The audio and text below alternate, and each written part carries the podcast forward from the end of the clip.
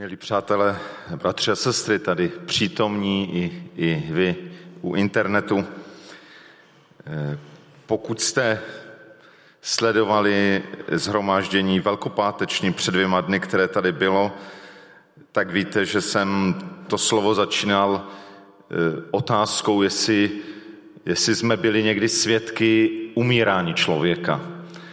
A pokud jsme někdy byli svědky takové události, tak to pravděpodobně pro nás bylo něco mimořádné. Něco, co se neděje často. Něco, co možná i se nějak zapsalo do našeho srdce. Tak je to pro většinu lidí, bohužel jsou zvláště dnes lidé, kteří pracují v nemocnicích, pro které být svědky odchodu lidí z tohoto světa je bohužel velmi časté a častější, než to možná bylo eh, v době předcházející. Dnes budeme mluvit o události, která je ještě mnohem zvláštnější a mnohem mimořádnější, které jsme my nikdy svědky nebyli. A i když třeba v Bibli starého i nového zákona čteme o některých situacích, kdy někdo z moci od Boha vzkřísil někoho z mrtvých, tak přestat ta událost, kterou si připomínáme na Velikonoce, na Velikonoční neděli, je stejně ještě jiná, je, je naprosto jedinečná, s ničím jiným nesrovnatelná. A tak bych rád, kdybychom dnes znovu naslouchali vyprávění svědků té události, svědků z toho nedělního velikonočního rána. E, v těch čtyřech evangelích máme víc svědectví, které se v různých detailech liší, doplňují. E, já jsem vybral e, zprávy ze dvou evangelií tak, aby to bylo co nejdůkladnější, aby to navazovalo na sebe a neopakovalo se. A když to za chvilku budeme číst, my křesťané jsme, eh, máme ten problém, že už ty zprávy jsme slyšeli tolikrát, možná i před chviličkou, když bratr Tadek četl tu zprávu z Matouše, že už nám to nic neříká. Já bych moc prosil, kdybychom se pokusili znovu vžít do, do těch dní a naslouchat eh, těm příběhům jako vyprávění, které vzniklo od očitých svědků, které, ty události nějak zažili a prožívali. A zkusme se vžít do té situace. Na Velký pátek Ježíš, velký učitel, uzdravovatel, konatel divů, ten, na kterého učedníci zavěsili své životy, tak byl odsouzen, popraven na kříži. Potom jeho mrtvé tělo bylo sněto z kříže, uloženo do hrobu. To byl pátek. Přišla sobota a v sobotu bylo mrtvo. Všechno skončilo. Rušitel Ježíš byl v hrobě. Zdá se, že svět běží tak, jak předtím, konečně zase klid. Možná kromě těch pár jeho věrných, kteří ho s velkou bolestí a smutkem oplakávali. Uběhla sobota, noc ze soboty na neděli a přišlo nedělní ráno. A zkusme v téhle situaci prožívat s těmi, kdo vypráví ta svá svědectví, jak, co to asi, jak to mohli vnímat, nebo co to pro ně mohlo znamenat. Budeme teda číst nejdříve z Lukášova evangelia, 24. kapitoly, verše 1 až 11, a potom navážeme z Janova Evangelia 20. kapitolou od verše 3. po verš 18. Poprosil jsem bratra Pavla a svou ženu, aby ty texty přečetli. Brzy ráno prvního dne v týdnu vzali připravené volné masti a vydali se s dalšími ženami ke hrobu. Našli však kámen odvalený od hrobu a když vešli dovnitř, nenašli tělo pána Ježíše. Nevěděli, co si o tom myslet, když v tom před nimi stanuli dva muži v zářícím rouchu. Vylekané ženy sklonili tváře k zemi, ale oni jim řekli, proč hledáte živého mezi mrtvými? není tu, vstal. Vzpomeňte si, jak vám ještě v Galileji říkal, syn člověka musí být vydán do rukou říšných lidí a být ukřižován. Ale třetího dne vstane z mrtvých. Tehdy si vzpomněli na jeho slova a když se vrátili od hrobu, vyprávěli to všechno jedenácti učedníkům i všem ostatním.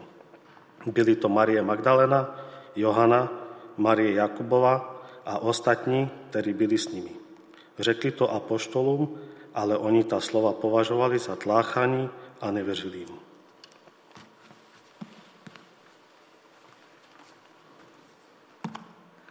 Ráno prvního dne v týdnu šla Marie Magdalena ještě za tmy k hrobu.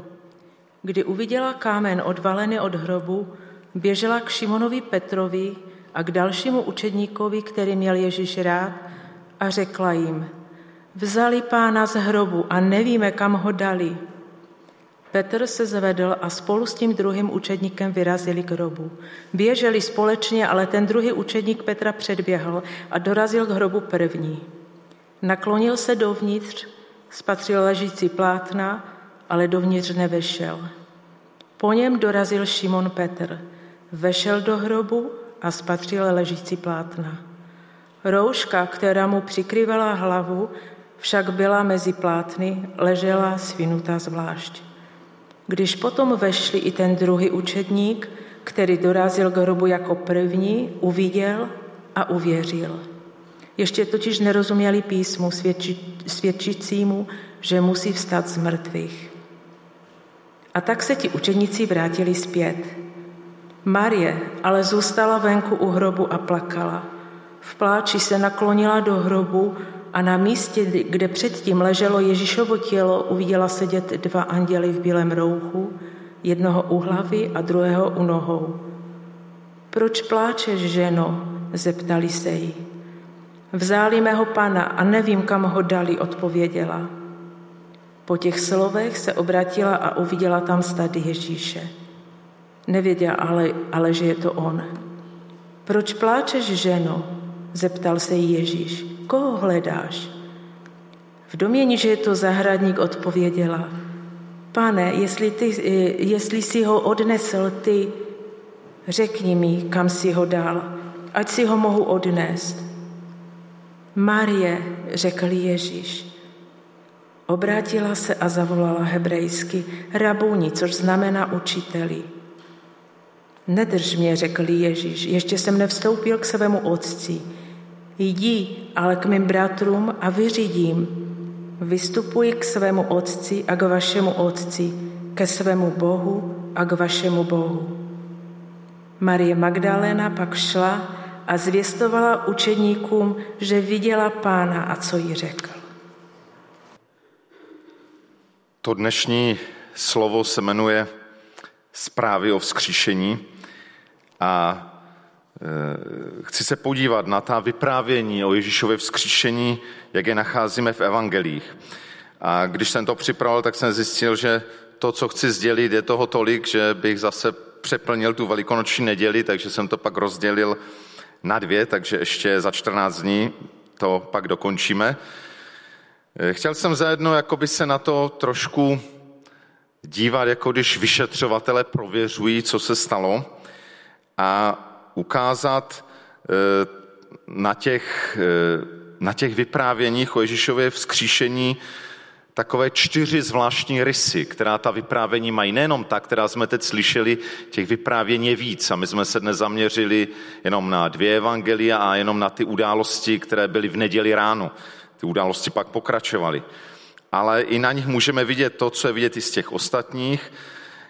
Ty čtyři zvláštní rysy, které ukazují na to, že ty zprávy jsou opravdu velmi rané že ti, kteří potom zaříkali, no, ta církev si to nějak vymyslela, takové nějaké báchorky o tom, jak to bylo, uvidíme zvláštní rysy, které ukazují na to, že, že ty příběhy pocházejí opravdu někde tam úplně od toho počátku, že to nebylo výsledek nějakého pozdějšího přemýšlení, jak vymyslet nějaké hezké příběhy, aby, aby zaujali. Ale to je jedna věc, že to chceme trošku prošetřit, prověřit, a druhá věc je, že jsem si uvědomil, že ty čtyři, čtyři zvláštní rysy mají i určité důsledky pro náš život. Že nejde jenom o to, že se budeme zabývat tím, jak to teda bylo před, a co nám to říkají, ta vyprávění 2000 let stará, ale co, co to může znamenat pro nás dnes v 21. století. Takže z těch čtyř rysů já dnes budu mluvit o dvou a dva si necháme na příště. Takže první, co v těch zprávách nás může zarazit, co je takového zvláštního a co bylo nějak vidět i na těch, které jsme dnes četli, že tam nebyly žádné citáty ze starozákonní Bible. Pokud jste sledovali velkopáteční zhromáždění, kde jsme četli Janovo vyprávění, tak tam několikrát bylo řečeno, že se něco stalo, že losovali o Ježíšův oděv a že Ježíš zavolal žízním a že mu nezlámali nohy, ale že mu probodli bok. A pořád znovu se říkalo, že to stalo, aby se naplnilo písmo, aby se naplnilo Bible starého zákona, kde to na nějakých místech bylo předpovídané. Ale nejenom u těch vyprávění, které jsme dnes četli, ale oni zastupují všechna ta vyprávění o vzkříšení Ježíše. V těch vyprávěních nic takového nenajdeme. E, není tam žádný konkrétní citát ze starého zákona, kde by se řeklo, no tak tohle se stalo se zmrtvých stalým Ježíšem, protože tak to předpovídalo písmo. Je tam takový detail, dneska jsme to četli, že když Petr a Jan odcházeli z proskoumání toho prázdného hrobu, tak se říká, ještě nerozuměli písmu, že Ježíš musí vstát z mrtvých. To jakoby naznačuje, že někde písmo o tom mluví, ale, ale neříká konkrétně kde. Protože popravdě řečeno, najdeme nějaká starozákonní písma, která se později dala aplikovat na to, ale takhle konkrétně to nikde ve starém zákoně nenacházíme. Eh, druhý moment, který si k tomu můžeme všimnout, že když přišly ženy za eh, učedníky a říkali jim, že hrob je prázdný, že tam možná potkali nějaké anděly, tak eh, jaká byla reakce učedníků? Říkali, co? Haleluja, paráda, Ježíš stal z mrtvých, no na tu zprávu jsme čekali. Bylo to tak? Nebylo to tak. Jaká byla reakce učedníků? Velmi normální, velmi přirozená prostě těm ženským nevěřili. My o tom ještě budeme mluvit. Jeden důvod, proč zrovna nevěřili, o tom budeme mluvit příště, ale jeden z těch důvodů, proč učedníci nevěřili svědectví žen je, že prostě to Ježíšovo vzkříšení nebylo v souladu s jejich očekáváním, se starozákonním mesiářským očekáváním. To nebyla víra židů, že Mesiáš zemře a vstane z mrtvých. Ono později křesťané vlivem pod světlem Ducha Svatého to tam začali vidět. Ale to bylo až později. V tu dobu nikdo to v tom starém zákoně neviděl. On to tam takhle úplně vyloženě, konkrétně napsané nebylo. A tak oni to neočekávali. A proto to byl jeden z důvodů, proč nevěřili svědectví žen. To nám ukazuje na to, že opravdu Ježíšovo vzkříšení je naprosto jedinečná událost. A byť nějaké náznaky ve starém zákoně nacházíme, tak co se vlastně stane, bylo něco naprosto jedinečného, originálního a nového. Bylo to něco, co svět starého zákona a svět pohanský už vůbec ne, nikdo neočekával. Je pravda, že židé, někteří, ne všichni, víme, že třeba saduceové vůbec nevěřili ve vzkříšení, Někteří židé věřili ve vzkříšení, ale pozor, že jednou Bůh vzkřísí všechny na konci tohoto věku, na konci času, když bude soud a obnova věcí, tehdy Bůh vzkřísí. To nějaké místa ve starém zákoně máme, ale Ježíš přišel s naprostou novinkou. Ježíš během svého života několikrát mluvil o tom, že bude zajat, mučen, popraven, zemře na kříži a že třetího dne vstane z mrtvých. A čteme v evangelii, že učedníci tomu nerozuměli, nevěděli, nevěděli co, to, co to znamená, protože to bylo něco úplně nového. To, že Ježíš nemluví o nějakém vzkříšení na konci věku, ale o tom, že on třetího dne vstane, to nikdo nečekal. A proto, když začaly první zprávy od žen, že se něco takového děje, učedníci přirozeně nevěřili, protože to nebylo v souladu s tím, jak byli učeni, jak věci mají jít. Ještě jedno místo, které jsme dneska četli, když eh, anděle eh, mluví, mluví eh, s ženami, tak říkají, vzpomeňte si, že, on, že Ježíš vám říkal tuhle tu předpověď, že zemře a třetího dne vstane z mrtvě. A tehdy si vzpomněli. To znamená, jediné konkrétní věc, o kterou, o kterou se mohli opřít, bylo Ježíšovo slovo. To, že Ježíš to předpovídal. A najednou začali zjišťovat, že to tak je.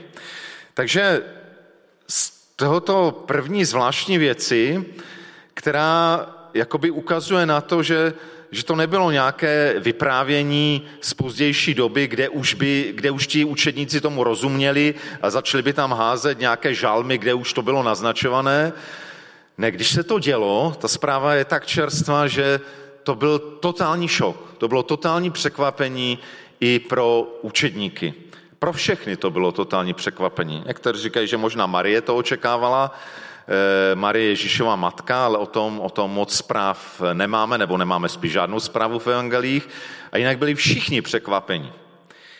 Takže ten první závěr, který z toho můžeme vzít, je, že boží realita daleko přesahuje lidská očekávání.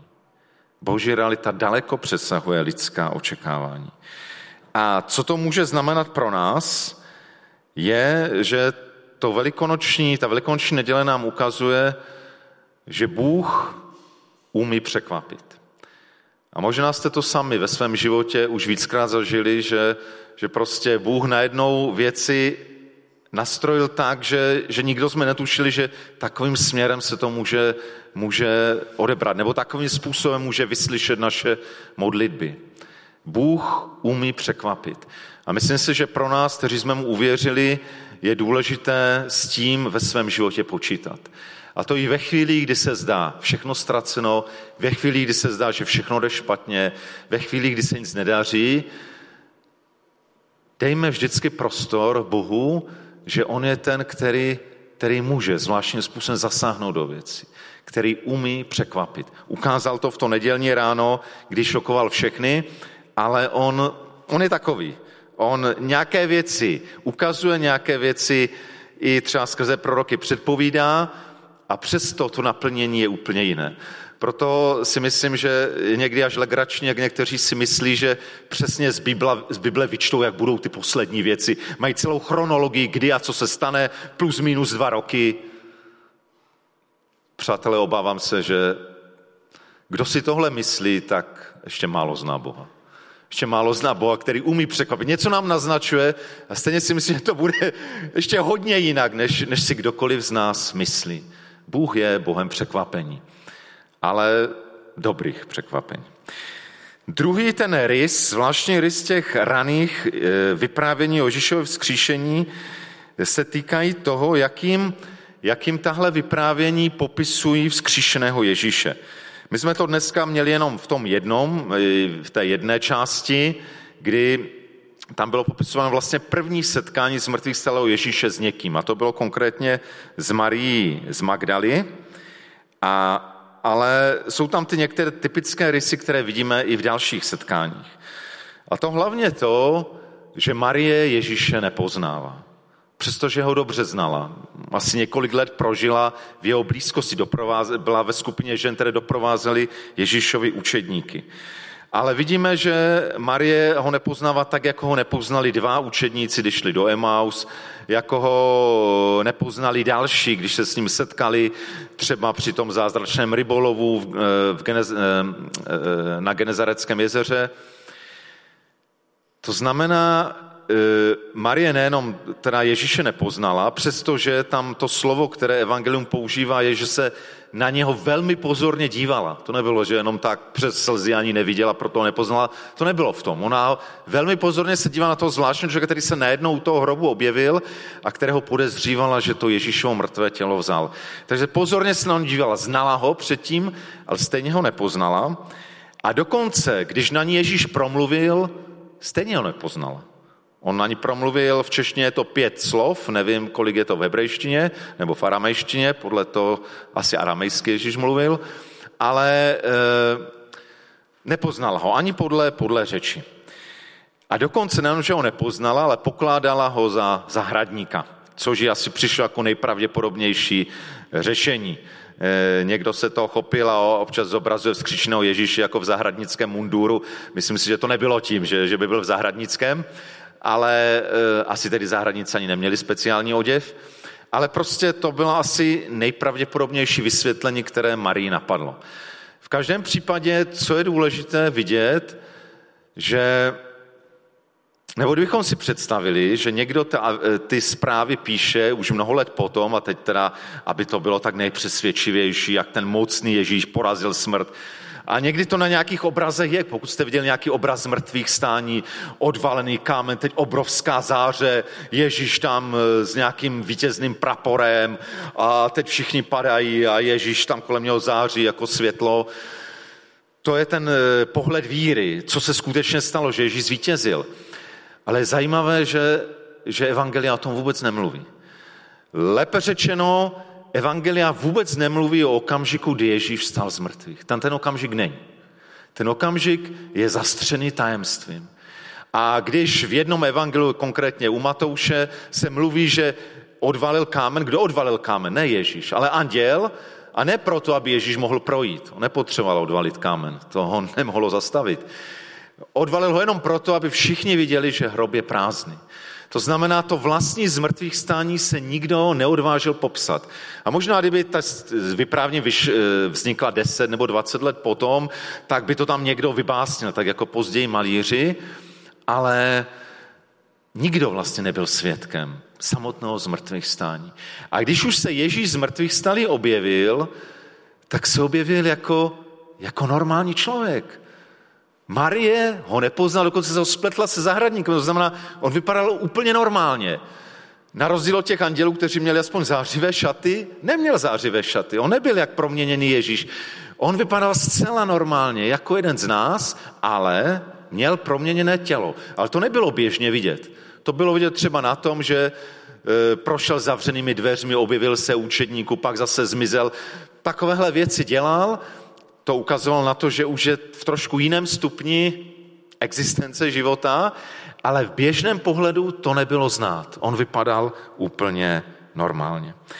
A to je něco, co ukazuje, že ta vzkříšení, nebo ta vyprávění o vzkříšení Ježíše vypadají velmi autenticky, jako něco, nad čím se vznáší to tajemství, něco, co, co nevymyslela lidská fantazie, která by tam dala tomu vzkříšenému Ježíši nějaké ty úžasné atributy, minimálně aspoň ten zářivý oděv, ale oni to nepíšou, protože ta realita byla jiná. A mě to právě tahle věc připomněla jednu knihu, kterou jsem před mnoha lety četl a jako asi většinou strašně málo pamatuju, ze všeho, co čtu nebo co slyším, co vidím. Eh, hrozně rychle se mi to ztrácí. Občas mi zůstane nějaký věm. A tahle kniha napsali, eh, myslím, že to byl Mika Valtáry, a ta kniha se jmenovala Jeho král, jmenuje Jeho království. A právě píše o těch událostech, nevím, kde přesně začíná, možná u Velkého pátku, to si nepamatuju přes, to už vůbec nevím, ale hlavně píše o tom, o těch dnech po Ježíšově vzkříšení. A dodnes, když jsem si na to včera, když jsem se připravoval, znovu jsem si tu knižku připomněl, ten věm, který jsem z toho měl, který ten kdy mě zasáhl, se z toho, jak to ten autor popisoval, tam byla zvláštní atmosféra v tom Jeruzalémě v těch dnech, minimálně pro učedníky. Oni najednou věděli, že, že se něco děje. Oni věděli, že od Ježíšova vzkříšení, od té neděle z mrtvých stání je svět jiný. Na první pohled ne, na první pohled všechno stejné, ale oni věděli, teď slyšeli, tam se s někým Ježíš setkal, tam se někde Ježíš objevil. Oni najednou věděli, že ten vzkříšený Ježíš je někde tady, že, že je tady přítomný, že najednou ten svět tím byl jiný. A oni věděli, že se může kdykoliv a kdekoliv objevit. A občas se to tak dělo. A to bylo něco, jinak z té knižky jsem potom Lauternic, a četl jsem opravdu fakt dávno, ale tohle se do mě otisklo a teď jsem si na to vzpomněl, to byl nádherný jakoby obraz toho, jak se svět změnil po Ježíšově vzkříšení. A to je ten druhý závěr a poslední z toho, z toho dnešního slova.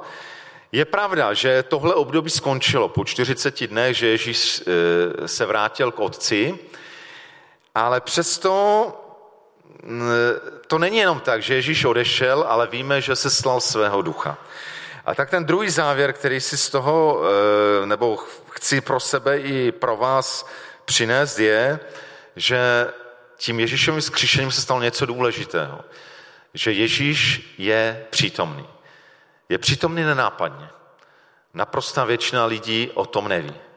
Bohužel i dost nás křesťanů o tom ve svém možná minimálně části svého života neví. On je nenápadně skrytě přítomný. Je přítomný skrze Ducha Svatého, kterého dal. Je přítomný v různých okolnostech, které potkáváme. Je přítomný v lidech, se kterými mluvíme. Ale zvlášť je přítomný, pokud jsme uvěřili v Ježíše, v našem duchu. Je stále s námi, už nikdy nejsme sami. A právě před několika dny jsem slyšel takové krásné přirovnání, které se hodí k té dnešní době, eh, kdy mnozí z nás máme zkušenost se Zoomem a jsem vděčný za to, že, že je tam možnost se aspoň vidět a slyšet přes ten Zoom. A přesto všichni znovu říkáme, no ale tak se už těšíme, kdy už tahle doba skončí a kdy se zás budeme moct s někým potkat fyzicky, 3D nebo 4D zvůní a tak dále, mnoha rozměrně. A, a vlastně ten, ten bratr, který sdílel tu myšlenku, říkal, no a to je vlastně, tak to je i v té naší víře. Vlastně my dneska žijeme, nebo Ježíš je tu přítomný skrytě skrze Ducha Svatého. To je jakoby, jakoby přes ten zoom. Ano, Ježíš tu je, nej, nejsme siroci, on je tu, ale takovým ještě ne úplně tím způsobem, jak bychom chtěli, takovým nedokonalým. Nemůžeme ho tak vnímat naplno a všichni se těšíme, až se Ježíš jednou vrátí a budeme s ním naplno fyzicky se vším všudy. Ta doba bude a pravděpodobně o něco později, doufejme, než, než skončení lockdownu a opatření, i když nevím, jestli to nakonec se nespojí, no nevím. Ale, ale je to krásný jakoby obraz toho, že, že Ježíš tady je přítomný, ale skrytě ve svém duchu a že jednou přijde čas, kdy bude s námi přítomný naplno. A tak to je ta druhá aplikace nebo ten důsledek pro nás z téhleté věci, že e, máme teda zajedno počítat s tím, že Bůh umí překvapit, že e, ten totální šok v nedělní ráno e, ukazuje, a že, že on je takový, ale že tého překvapení jsou dobrá překvapení. A to druhé, s čím máme počítat, počítat s tím, s tou Ježíšovou živou přítomností, že on je tady. A možná, když v to fakt pevně se toho vírou chytíme a budeme s tím počítat, že najednou začneme žít v takové té atmosféře toho světa po neděli z mrtvých staní. Najednou začneme nějak víc být vnímaví na to, že k nám Ježíš promluví ať v modlitbě, nebo skrze člověka, nebo skrze nějakou okolnost. A, a najednou ten život v tomhle světě pro nás začne být mít jiný rozměr, začne být takový dobrodružný v tom, že to není jenom o tom, co vidíme a slyšíme ušima. Že on je tady opravdu živý, že on je tady přítomný, že jde s námi, že se nemusíme bát.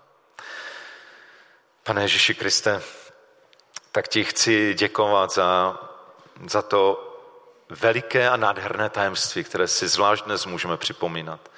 Za to, že hrob zůstal prázdný, že jsi z toho hrobu vyšel, že jsi vstal z mrtvých. Děkuji ti za, za to, že i tehdy, když ti nejbližší nevěřili, že se může něco pozitivního stát, ty jsi to nejhorší změnil v to nejlepší. Děkuji, že jsi Bože Bohem dobrých překvapení, že jsi Bohem dobrých zvratů, že jsi ten, s kým vždycky můžeme počítat. Děkuji ti, Ježíši, že, že od té doby, co jsi vstál a seslal svého ducha, jsi skrze svého ducha svatého přítomný. Že jsi přítomný zvlášť s každým z nás, kdo jsme v tebe v Ježíši uvěřili.